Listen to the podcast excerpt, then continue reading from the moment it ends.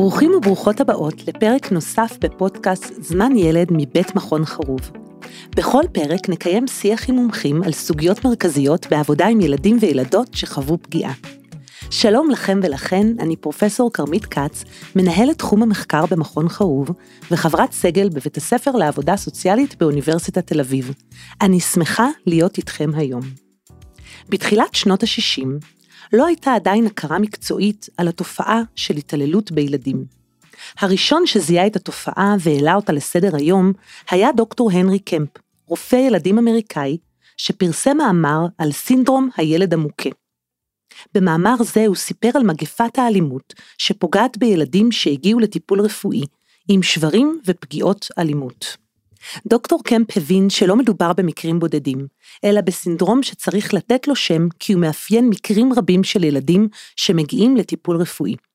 בעשורים הבאים, המונח ילדים מוכים התחלף למושג ילדים נפגעי אלימות, התעללות, והתרחב כשאנחנו מנסים ללמוד עוד על מניעת פגיעה בילדים. אנחנו מדברים על העדויות שהגוף רושם, שחושפות את הנגזרות הגופניות של החוויות הטראומטיות, ואת האופנים בהן הגוף מספר את סיפור הפגיעה. ילדים נפגעי התעללות מדווחים על סימפטומים גופניים רבים, כמו כאבים חוזרים, דלקות, פגיעה עצמית, הפרעות אכילה ועוד.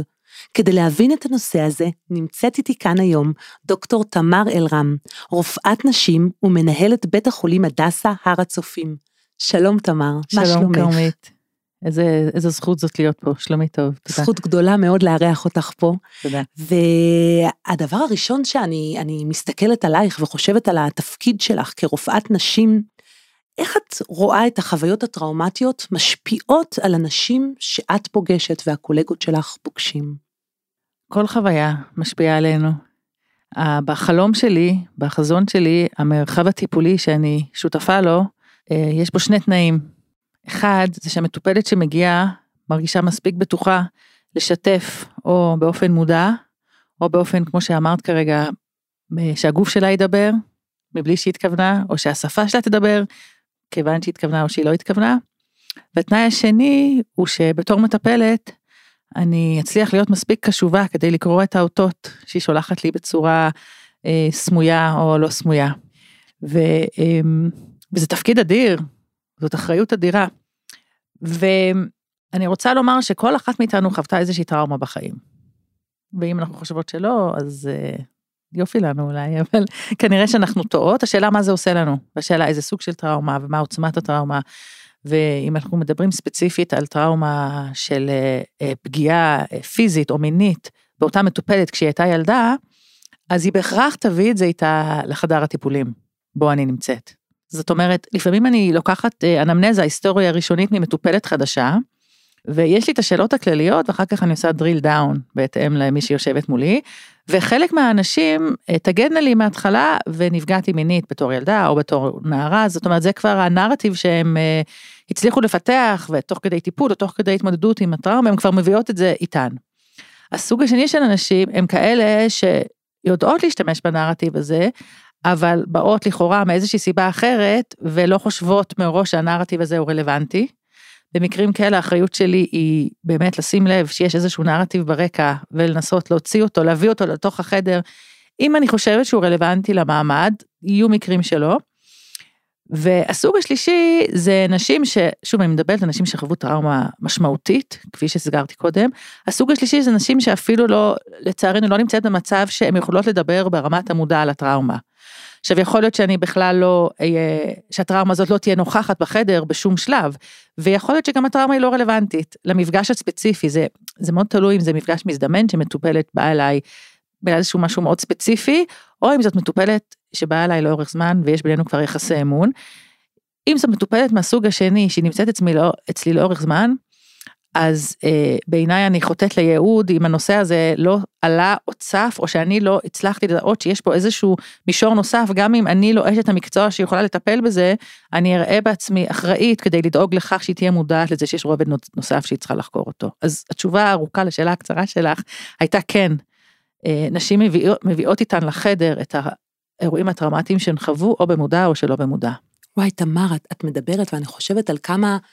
קשב ומשאבים ואחריות ומסירות, זה מצריך ממך כל מפגש כזה כדי להגיע להבנה של לפעמים זה מתאים להעלות את זה ולפעמים זה לא מתאים להעלות את זה, ואני חושבת אם את יכולה, אם מתאים לך, לקחת אותנו להצצה, למפגש כזה עם, עם, עם מישהי שישבת איתה, ואיך הצלחת לראות את הדברים, איזה החלטות קיבלת, מה קרה שם במסע המשותף. א', תודה שאמרת את זה. ריגשת אותי שבאמפתיה שלך כלפיי. כי באמת, אה, כשאני מסיימת היום במרפאה, אני מרגישה מצד אחד מותשת, מצד שני שזכיתי. אה, אני אשתף אתכם דווקא ב, אה, בשני מקרים. המקרה הראשון הוא קרה לפני שבועיים במרפאה, ושני המקרים הם מאוד מאוד שונים. באירוע הזה לפני שבועיים נכנסה אליי, את יודעת כרמית, את צודקת, הקשב הזה הוא מהרגע שנכנסות לחדר. עם מי הן נכנסות, איך הן נכנסות, מי נכנסת ראשונה. אז נכנסת אליי נערה בת 15 אמ, או 16, סליחה, היא בטוח הייתה מעל גיל 16, כי תמיד כשנכנסת מישהי מגיל 16 ומעלה, אם היא נכנסת עם, עם האימא, אז אני מוצאת צורה עדינה להציע לה להישאר לבד, כי מותר לפי החוק לבוא לרופאת נשים לבד מגיל 16. אז זאת בחורה מבית אה, דתי, שנכנסה יחד עם אימא שלה, ויש מולי שני כיסאות. עכשיו, אחד הכיסאות הוא, הוא קצת מוסתר אה, על ידי מסך המחשב, קצת, והשני הוא ישירות מולי. ואני תמיד מקפידה שהמטופלת תשב ישירות מולי. ואז הם התלבטו וביקשתי מהם ככה לשבת, וזה נורא מסקרן אותי תמיד, המערכת היחסים בין המטופלת לבין מי שנכנסת איתה. נאמר, אני סוטה שנייה, אבל נאמר, אה, נשים בהיריון שבאות עם האימא ולא עם בן הזוג, אני תמיד מוצאת דרך עדינה להתייחס לעניין. אה, ולברר למה זה ככה. בכל אופן זה לא המקרה, היא באה, התיישבה מולי, והאימא התיישבה בכיסא שככה טיפה יותר בצד, ואני פותחת בשאלה, פעם הייתי שואלת, אפרופו קשב, הייתי שואלת, אמ, איך אני יכולה לעזור, או מה אני יכולה לעשות בשבילך, ואז זה היה, באיזשהו שלב זה היה נשמע לי קצת פטרנליסטי כזה, שאני בצד אחד ואת בצד שני, עכשיו אני בדרך כלל אה, אה, מנסה לפתוח במשפט של מה מביא אותך אליה היום. בכל אופן, לא, אבל לא הכרתי אותה קודם, אני יודעת שאני לא מכירה, כי אני גם רואה במחשב שהיא לא הייתה אצלי אף פעם, אז אני אומרת שלום, נעים מאוד, וזה, אה, את אימא, קוראים לך, וזה, מה מביא אותך אליה היום? ואז היא מסתכלת על האימא, אמ, נערות שבאות עם האימא, הן תמיד, כמעט תמיד מסתכלות על האימא לפני שהן עונות, ואני חייבת להגיד לכם שברוב המקרים האימא עונה. ואגב, גם לזה אני מתייחסת שזה קורה, אבל דווקא פה היא ענתה לי, היא אומרת לי, אני לא אוהבת את המחזור שלי, אני לא רוצה אותו יותר. לא צריך אנטנות מאוד מחודדות, אני רוצה לקוות שכל רופאת נשים שתשמע משפט כזה, אז האנטנות שלה ייפתחו. ואז אמרתי, תספרי לי עוד, אז עוד לפני שלקחתי אנמנז, אני לא מכירה אותה בכלל. ואז האמא נכנסה לתמונה והתחילה לספר לי שהמטופלת יש לה אה, רקע של אה, אה, דיכאון כזה או אחר, ושהיא מטופלת הרבה שנים תרופתית, אה, ונמצאת בטיפול פסיכולוגי לאורך זמן, וכן, אז, אז, אז התחלתי לשאול אותה יותר לעומק, קצת על הרקע הרפואי, ומה, למה המחזור שלה כל כך מפריע לה, וכבר ברגע הראשון אני שמה לעצמי ככה בטוש, ממרקרת לי בראש, שיש פה שאלה של אה, פגיעה מינית. ותוך כדי שאני ממרקרת, אני עושה איקס על המרקור, כי ברור לי שאני לא הולכת לשאול את השאלה הראשונית הזאת בנוכחות האימא. וזה האתגר שיושב מולי, ותוך כדי שהיא מדברת, אני כל הזמן אומרת, איך אני איך אני, how do I address this issue? איך אני מסיים את הביקור הזה, שזאת בעצם המטרה שלי, המחזור הוא לא העניין פה. בסוף אולי יום אחד נטפל במחזור. בכל אופן המשכתי לשאול והיא סיפרה לי על המחזור שלה, ואז התחלתי לשאול על הטיפול הפסיכולוגי שלה, והשאלתי אותה, מי הפסיכולוגית שלך? ואני מכירה את הפסיכולוגית שלה. אז אמרתי לה, איזה יופי, היא פסיכולוגית נהדרת, אני יכולה לבקש ממך משהו? היא אמרה, כן, אמרתי לה, את נותנת לי רשות לדבר עם הפסיכולוגית שלך כדי להבין יותר לעומק מה מביא אותך אליי? היא אמרה, בשמחה. ואז אה, הביקור לא היה כל כך ארוך, כי לא יכולתי באמת לשאול את הדברים שרציתי לשאול, אז אמרתי לה, תקשיבי, אני, אני לוקחת ברצינות את נושא המחזור, אבל תני לי לדבר עם הפסיכולוגית, ואני אחזור אלייך, ובסופו של דבר גם נתייחס לעניין המחזור בביקור הבא. אה, אחרי שהם יצאו מהחדר, דיברתי עם הפסיכולוגית שלה, שאני באמת מכירה אותה טוב הרבה שנים, והיא באמת אה, מטפלת נהדרת.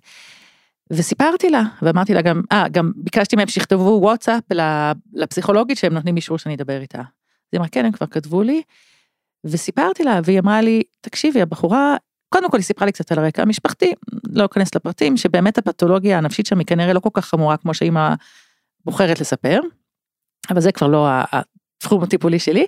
וסיפרתי לה מה שהיא אמרה לי, אז היא אמרה לי, תקשיבי, אצלי בטיפול כבר כמה שנים, וזה אף פעם לא עלה. לא משהו למחזור ולא משהו על פגיעה, ו... אז כל זה היה לפני שבועיים, וסיכמנו, הייתה צריכה אה, ללכת אליה השבוע, סיכמנו שהפסיכולוגית תפתח איתה את הנושא, ואחר כך היא תחזור אליי, אחרי שיהיה בינינו שיח משותף. אז אני עוד לא יודעת לאן הסיפור הזה הולך. וואו, תמר. נכון? וואו. איזה טירוף. ממש, אני חושבת כמה חיישנים היית צריכה להוציא, וגם הקבלת החלטות תוך כדי, זה נורא נורא מלחיץ. לשאול, לא לשאול, איך לשאול, וגם האקטיביות שלך בזה שלזהות את הפסיכולוגית, ליצור איתה קשר, לבקש אישור, לעשות את זה בצורה שלא תעורר חרדה, כן. או... זה פשוט מדהים. כן, לפני uh, כמה שבועות כתבתי שיר, אני כותבת שירה, הפודקאסט הזה הוא לא עליי, אבל יש לי שיר שהוא כתבתי אותו, um, הוא הולך משהו כמו יש לי כאב ראש וזכיתי פה ביושר. הוא טופח לי על השכם ואומר לי כל הכבוד. אז זה על הרגעים האלה, זה לא על ניהול בית חולים, זה על ביקורים כאלה. וואו. בכל אופן, זה מקרה מסוג אחד, אבל uh, um, מקרה מסוג שני, uh, או מקרה נוסף שהוא הוא, הוא אחר, אגב, נחזור לאותה בחורה, יכול להיות שהיא לא, אני מאוד מקווה שהיא לא חוותה שום פגיעה מינית בחיים שלה, כן? אני עוד לא יודעת כלום, שום דבר ברקע, אבל פה מקרה אחר לחלוטין, של, אמ, ששוב, אגב, מדגיש את החשיבות של אה, קשר בין מטופלים, זאת אומרת, זה השיח בין מטופלים, גם בתוך, בין מטפלים, סליחה, מאותו מקצוע וגם אה, חוצה מקצועות, הוא, הוא כל כך חשוב, גם הרצף, תכף אני אגיע לזה, רצף בית חולים קהילה, וגם הרצף בתוך הקהילה, אסור להתעצל או להימנע מלדבר עם מטפלים אחרים. אז פה ככה סיפור שהתחיל הפוך, קיבלתי טלפון לפני קצת יותר משנה מפסיכיאטרית שאני מכירה, שביקשה ממני לראות מטופלת שלה. איך יכולתי לסרב? והיא סיפרה לי שמדובר באישה אה, בהיריון, עם רקע של פגיעה מינית בילדות, קשה ביותר. היא, היא, ו, אה, רקע של פגיעה מינית בילדות קשה ביותר בתוך המשפחה, שהיא עכשיו בהיריון והיא נמצאת במצב נפשי לא פשוט והיא מבקשת שאני אלווה אותה.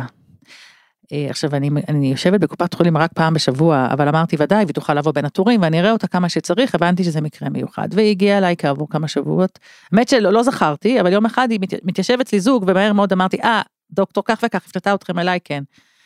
ו, אמ, והאישה הזאתי, המדהימה, זה הריון שני שלה, והיא כבר ילדה לפני משהו מעל עשר שנים, ועכשיו היא שוב בהריון, באמת עם פגיעה מינית ממושכת. זה שהיא בכלל מתפקדת בחיים זה בעיניי כוחות נפש אדירים, וליוויתי אותה בהריון במקביל לפסיכיאטרית. כי כשהתחלתי לקחת ממנה אנמנזה, היא תוך שנייה התפרקה והתחילה לבכות, ואמרתי לה, איזה כיף שאת פה, את נותנת לי רשות לדבר עם אותה פסיכיאטרית שהפנתה אליי, היא אמרה, מה זאת אומרת, הרי היא הפנתה, וככה ניהלנו במקביל. ותוך כדי ההיריון, יש לה גם בן זוג מקסים ותומך, תוך כדי ההיריון, אה, התחלנו לדבר על הלידה, וחיברתי אותה, וכאן בעצם איפה שאני רואה את התפקיד שלי, גם ברצף בית חולים קהילה, לפני כמה שנים אה, דיברתי עם הנהלת מחלקת נשים ויולדות אצלנו, הנהלה מדהימה, ואמרתי להם, תקשיבו, יש הרבה נשים, הרבה זוגות, אבל בעיקר נשים, שחוו איזושהי טראומה בחיים, כזאת או אחרת, שהם מגדירים כטראומה, שמפתחת אצלם חרדה לקראת הלידה. הטראומה הזאת יכולה להיות קשורה ללידה קודמת, יכולה להיות קשורה לפגיעה מינית, אבל היא יכולה להיות גם קשורה לכל דבר אחר בחיים, והן עכשיו צריכות ללדת וחרדות. בואו נפתח מרפאה ייעודית לנשים האלה. ופתחנו מרפאה, הן פתחו, אני רק חלמתי, והמרפאה נפתחה, מי שמנהלת אותה זאת רופאה מדהימה, דוקטור לורין לויט. יחד עם מתמחה מדהימה בגנקולוגיה, דוקטור הדס אלוש, אבל כל הצוות, רק את השמות שלי אני בוחרת להזכיר כרגע. היא נקראת מרפאת לידה מתקנת, והיא משנה, כל הזמן הן משנות חיים, כל הזמן. אז אמרתי לאותה מטופלת, אמרתי לה, תקשיבי, בואי, אנחנו נמשיך לעבוד אותך ביחד, הפסיכיאטרית, אני והצוות שלי בבית החולים. וחיברתי אותה שמה, וככה המשכנו לנהל בכל המישורים את ההיריון שלה. אני נזכרת, בא לי לבכות מרוב התרגשות. אמ, וככה היא, התכוננה ללידה יחד עם הצוות בבית חולים, והיא ילדה בלידה, היא אמרה לי חלום, חלום, חלום. רק הצוות הזה נכנס אליה לחדר, אף אחד אחר לא, באתי לבקר אותה תוך כדי, והייתה לה לידה, ונולד לה תינוק יפהפה, כמובן עם מורכבות אחר כך ב bonding וכולי, והיא כל הזמן אצל הפסיכיאטרית. אמ, באמת מאוד מרגש. ועכשיו, אמ, לא יודעת אם הפאנץ', אבל הפרק ג' בסיפור, אה, חזרה לשאלה של התפקיד שלי מול הנשים האלה, היא באה אליי לביקורת אחרי לידה. אגב, היא כתבה לי מכתב, פשוט כל כך רגיש, כל כך מודע אליי בתוך הסיפור הזה, שפשוט זה אחד השיאים של הקריירה שלי. איך שהיא שיקפה לי חזרה את, את כל התהליך הזה. בכל אופן, היא באה אליי לביקורת אחרי לידה, ואני לא, לא בודקת נשים בדיקה גינקולוגית באופן אוטומטי, אלא אם כן יש איזושהי סיבה, גם אחרי לידה, אם לא צריך משטח פאפ ולא היו תפרים והאישה מרגישה טוב, אז אני לא בודקת לשם הבדיקה. אבל פה באמת היא כמה שנים טובות לא עשתה משטח פאפ, אולי אף פעם לא עשתה, אני לא זוכרת, ואמרתי תקשיבי, בעיקרון את אמורה לעשות משטח פאפ מצוואר הרחם. זה לא הדבר הכי חשוב בעולם, זה עניין סטטיסטי, אבל כדאי לעשות, אם את מרגישה מוכנה לזה עכשיו, בואי נעשה. והיא אמרה כן, אני מוכנה. עכשיו, פרש בינינו יחסי אמון מאוד משמעותיים. אמרתי לעצמי, וואי, כל הכבוד לה. והיא נערכת, כאילו כלום, נערכת לבדיקה, ואני תוך כדי מרגיעה ומדברת בקול היפנוטי וכולי, ואני בודקת אותה, וכל הסיפור לוקח ארבע דקות, ומאוד מקצועי ונגמר, ונגמר. אני אומרת לה, זהו, סיימנו. ואני קמה ואני רואה אותה מקופדת כמו עובר על המיטה, עשתה איזושהי תגובה קונברסיבית, פסיכיאטרית, ואם זאת הייתה הפעם הראשונה שהייתה אצלי, אני לא יודעת, זה היה לוקח לי זמן להתעשת ולהגיד מה, מה קורה פה, וכיוון שהכרתי אותה כל כך טוב, מה שאמרתי לעצמי דבר ראשון, היא מרשה לעצמה שזה יקרה פה. אז סימן שהיא סומכת עליי שאני אדע מה לעשות. ככה לקח איזה עשר, קודם כל התקשרתי לפסיכיאטרית, מה שנקרא call for help, היא לא ענתה לי, היא לא הייתה זמינה, אחר כך חזרה אליי, אבל אמרתי לעצמי, תמר, תסמכי עלייך, על עצמך, וקראתי גם לאחות, ובעבודה משותפת, תוך כעשר דקות, היא חזרה אלינו, והייתה בטוב, ו, וזה הזכיר לי, אמ, שאני רק, אנחנו רק רגע קטן בחיים של האנשים האלה. רגע קטן מאוד, אי אפשר לזלזל בזה, כן? אבל הטראומה הולכת איתן לכל מקום, כל הזמן, 24-7, עם הלידה, בלי הלידה, עם ה bonding, בלי ה bonding, והתפקיד שלנו כמטפלות ומטפלים הוא, הוא, הוא בתוך הפסיק הזה שאנחנו נכנסות לחיים להיות אה, הכי משמעותיות שאנחנו יכולות להיות. וואי, תמר, נתת הצצה מרגשת, קיממת אותי בהצצה לסיפורים האלה, ואני מאזינה לך ואני חושבת על כל כך הרבה דברים שצריך לקחת משם ו, ו, ולצעוק אותם החוצה לעוד אנשי מקצוע. ו, ו, ואם את יכולה להתבונן בשני מקרים האלה, אבל בכלל בכל הניסיון העשיר והעשייה שלך, מה הדברים, ההמלצות, הקווים המנחים הפרקטיים, שמי שמאזין לנו עכשיו, צריך לקחת איתו אחר כך לחדר, למרחב, לקהילה, במרחב בו הוא פועל, עם ילדים, ילדות, בוגרים, בוגרות, נשים וגברים, עם חוויה טראומטית כזו. כן, נכון, צודקת, בשביל זה אני פה. אגב, אה, כולם ילדים וילדות, גם אם רוב המטופלות שלי הם כבר לא ילדות מבחינה רשמית, כולנו מביאות איתנו את הילדה שהיינו לתוך המרחב שלנו. התשובה לשאלה שלך היא קודם כל עבודה עצמית.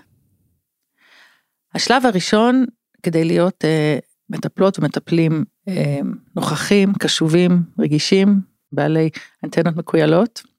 הוא קודם כל במודעות לעובדה הזאת שאנחנו צריכים להיות כאלה. זאת אומרת להבין שהאחריות האדירה שלנו, נאמר כרופאות, היא לא רק לתת את התרופה הנכונה ולעשות את הניתוח כמו שצריך ואת ההבחנה הנכונה, ממש ממש לא. אני יכולה אגב לתת לך עוד עשרות דוגמאות של נשים שנכנסו לחדר לכאורה עם סיבה מסוימת ובעצם באו בכלל עם סיבה אחרת, אוקיי?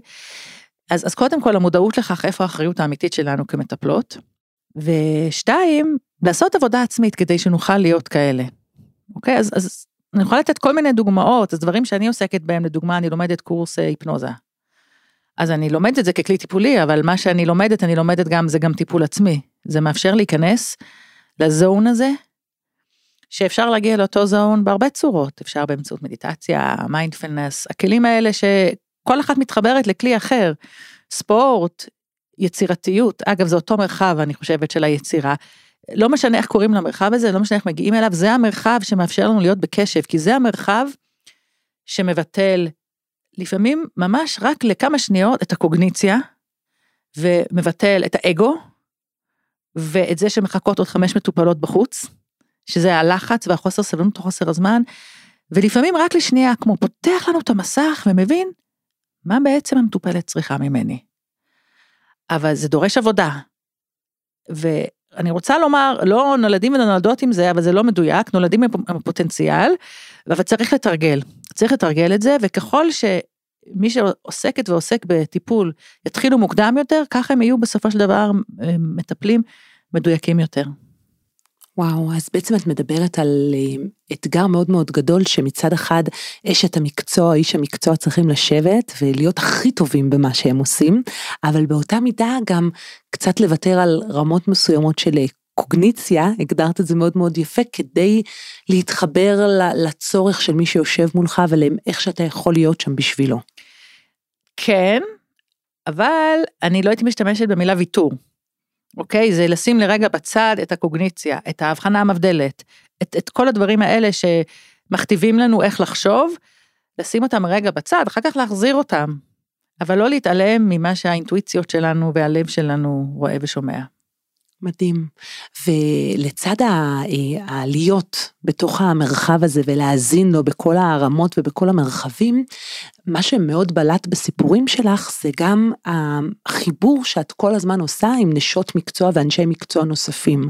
האחריות, האקטיביות, אמ, לבקש אישור ולהגיע לאותם אנשים ולעבוד בעצם בשיתוף פעולה וגם הדוגמה של המרפאה הנפלאה שחלמת אותה והתגשמה. תספרי לנו עוד על זה עבור המאזינים והמאזינות, על החשיבות של זה, על איך לעשות את זה ביומיום, איך באמת לייצר את החיבורים האלה. זאת שאלה טובה, כי אני באמת זכיתי לשבת בשני הכובעים, גם כרופאה בקהילה וגם כמנהלת בית חולים. אז אצ, אצלי זה כאילו בכיס שלי, למרות שאולי זה גם לא מובן מאליו, אני לא יודעת. אני חושבת שאנחנו צריכות וצריכים להבין כמה זה חשוב. הרי כולנו מכירים הרבה אנשי מקצוע, זה לא בהכרח אוטומטי לנו להתייעץ איתם. אני בבית החולים עושה פגישות היכרות עם המתמחות והמתמחים החדשים. וסוג של מנטורינג חניכה לאורך הדרך אם הם זקוקים לזה. ואחד הדברים שתמיד אני אומרת להם זה אה, נשים וגברים שסיימו בית ספר לרפואה וסטאז' ובדרך כלל נשים מאוד מאוד מוכשרים, יכולות מאוד גבוהות. אחד הטיפים שאני ממליצה להם תמיד בסוף השיחה זה, ככל שאת מתקדמת, יש איזושהי נטייה לפעמים אולי להאמין שככל שאת מתקדמת בהיררכיה המקצועית, אז את יודעת יותר ולכן את צריכה להתייעץ פחות. אבל אני אומרת ההפך, ככל שאת עולה יותר, תתייעצי יותר, כי להחלטות שלך יש מוטת אחריות גדולה יותר. ו, וזה מלמד אותך ענווה. אוקיי, זה מה שאני מזכירה להם. אז אני, זה לא פשוט לרופאות ורופאים שיושבים בקהילה רוב או כל הזמן. זה לא פשוט, בסוף את רוב הזמן לבד בחדר. ו, אמ, ואני חושבת שצריך לנסות למצוא מרחבים משותפים של שיח ולהבין מי העמיתים והעמיתות שלך, בתוך המקצוע שלך ובתוך מקצועות אחרים. כי לצורך העניין, גם אם לא הייתי מכירה את הפסיכולוגית הספציפית, יכולתי לבקש את הטלפון שלה ולהיות אני אומר אמיצה, למרות שזה לא בדיוק אומץ, אבל להתגבר על המבוכה ועל חוסר החשק אולי ועל חוסר הזמן ו- ולהתקשר אליה, זה דורש פה פרואקטיבית, פרואקטיביות ב- ביצירת קשר. ממש פרואקטיביות, לגמרי. תמר, אני מקשיבה לדברים שאת אומרת, ואת מעלה מאוד אה, חזק ומדויק את כל החוויה הזאת של הלבד והבדידות, בהתערבות ובמפגש עם אנשים שחוו טראומות ילדות קשות. וזה נרטיב שחוזר על עצמו, עם המון אנשי מקצוע, ואני מתבוננת בך ובעודך מתארת מקרים מאוד מאוד קשים, את גם מביאה איתך, וחבל שאתם לא רואים את זה בעצמכם, המון המון רוגע ושלמות וחמלה וקבלה. ואני חושבת איך אפשר להגיע למקום הזה. א', אה, תודה. מה שקורה בחוץ זה לא תמיד מה שקורה בפנים, זאת העבודה העצמית. יש כלים, יש כלים שם בחוץ, שחלקם יצא לי להיחשף אליהם במקרה, וחלקם יצא לי להיחשף אליהם מתוך בחירה. גם ספציפית בעולם הזה של איך אנחנו ניגשים ל... אה, אני אדבר בלשון נקבה, כי המטופלות שלי הן נשים, במאה אחוז, איך אנחנו ניגשות למטופלות שחוו פגיעה בילדות שלהם, פגיעה פיזית או פגיעה מינית, היינו אח לצורך העניין מבחינת הרגישות. ואני אה, נכחתי בכנס שהיה זומי לפני בערך שנתיים, שגם יזמה אותנו, יזמה אותה הנהלת מחלקת נשים אצלנו, יחד עם עוד כמה דמויות מחוץ להדסה הר הצופים, שהתייחס לנושא של התמודדות, כ, כ, של, שהתייחס לנושא של התמודדות של רופאות ורופאים עם מבוגרים שחוו פגיעה בילדות שלהם. ואני קיבלתי שם כמה כלים פרקטיים לדוגמה, אוקיי? לבקש רשות מעצם המגע, אני אפילו לא מדברת על בדיקה גינקולוגית, עוד הרבה לפני כן. או לגשת עם גב כף היד, ולא עם, עם היד פתוחה לאיזשהו מגע ראשון. שוב, זה תלוי מה סיפור הפגיעה ו- ומה המטופל או מטופלת מביאים איתם לחדר.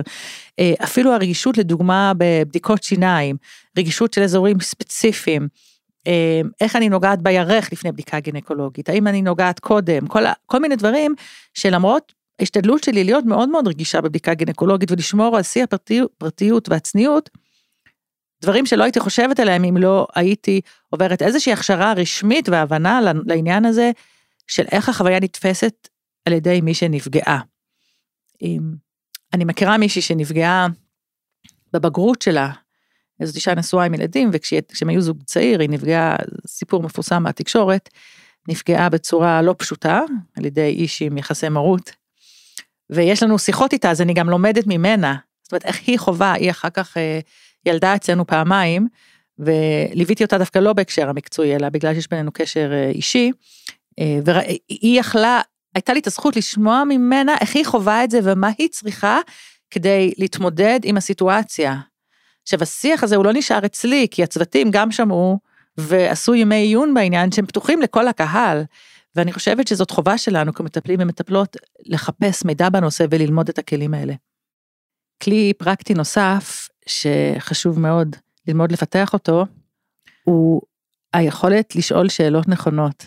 היכולת והאומץ, כי מלמדים אותנו לקחת אנמנזה רפואית בצורה אה, קצת טכנית אולי, והאמת נמצאת ברבדים הבאים. ואנחנו לא נדע לשאול את השאלות האלה אם לא ילמדו אותנו, אם לא נבקש ללמוד, ואם לא נבחר לחדד את השאלות על סמך מה שהמטופלת מספרת. זאת אומרת שאם מטופלת עונה לי לשאלה מסוימת, אני צריכה להיות מטפלת חכמה ורגישה מספיק כדי לשאול את השאלה הבאה שתאפשר לה לספר לי את הסיפור האמיתי שלה. וואי, זה ממש חשוב, גם לחפש את המידע, גם את מספרת גם דרך המקרים והמסע שלך כל פעם, מכל אחת את לוקחת עוד משהו, עוד תובנה, עוד אה, קו מנחה פרקטי, וגם דיברת מאוד מאוד חשוב על המגע. יש עוד אה, תובנה, מסקנה, כלי פרקטי שחשוב לך להשאיר פה במרחב הזה עבור הקהילה שלנו? אני חושבת שאם אני אתמצת את כל הכלים שאמרתי, אני אוכל לתאר את זה בצורת אנטנות שצומחות לכל אחד, לכל אחד ואחת מאיתנו ככה מהמצח. והאנטנות האלה יכולות להיות אה, מקופלות ככה סגורות בתוך איזה קפסולה ואפשר בכלל להתעלם מזה שהן קיימות והן יכולות להיות שלופות, מחודדות, משויפות ומבריקות, בלי חוד בסוף, אלא ככה עם נוצה בסוף שמלטפת. ואפשר, אפשר לגדל את האנטנות האלה, כי, כי זה מה שיאפשר לנו להיות מטפלות ומטפלים טובים. ועוד טיפ אחד מאוד מאוד פרקטי שאני רוצה להמליץ לכם, ככה בתחילת כל סשן אה, או יום טיפולים, וזה לא משנה אם אתם רופאות או רופאים, עובדים סוציאליים, פסיכולוגים, רופאי שיניים, זה לא משנה. אני רוצה להמליץ לכם להתחיל כל יום טיפול בחמש דקות לעצמכם, בתוך המרפאה. זה יכול להיות מדיטציה, זה יכול להיות איזושהי כתיבה אינטואיטיבית, יכול להיות היפנוזה, לא משנה, זה יכול להיות נשימות עמוקות, תתחילו ככה, כי זה מה שיאפשר לכם את הגישה הנגישה, את הגישה המהירה והפשוטה לאותו זון, כשתרצו להגיע אליו. וואי, תודה רבה, תמר. אני חושבת על זה שככה, אה, לקראת הסיום שלנו, הייתי רוצה להכניס לנו פה, למרחב, איזשהו שרביט קסמים. את דיברת הרבה על חלומות ועל הגשמה שלהם, ואם נכניס לפה שרביט קסמים, שיש לו, יש לך תקציב בלתי מוגבל, אין לך מגבלות של מדיניות ושום דבר, איך היית רוצה לשפר את מערך הרפואה, כך שהוא יתמודד טוב יותר עם כל הנושא של פגיעה בילדות. כן.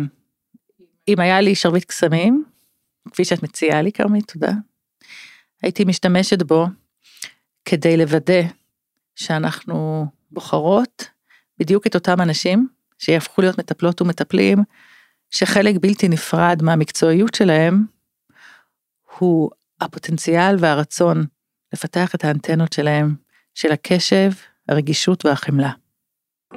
תודה רבה לך, דוקטור תמר אלרם, שהיית איתנו כאן היום.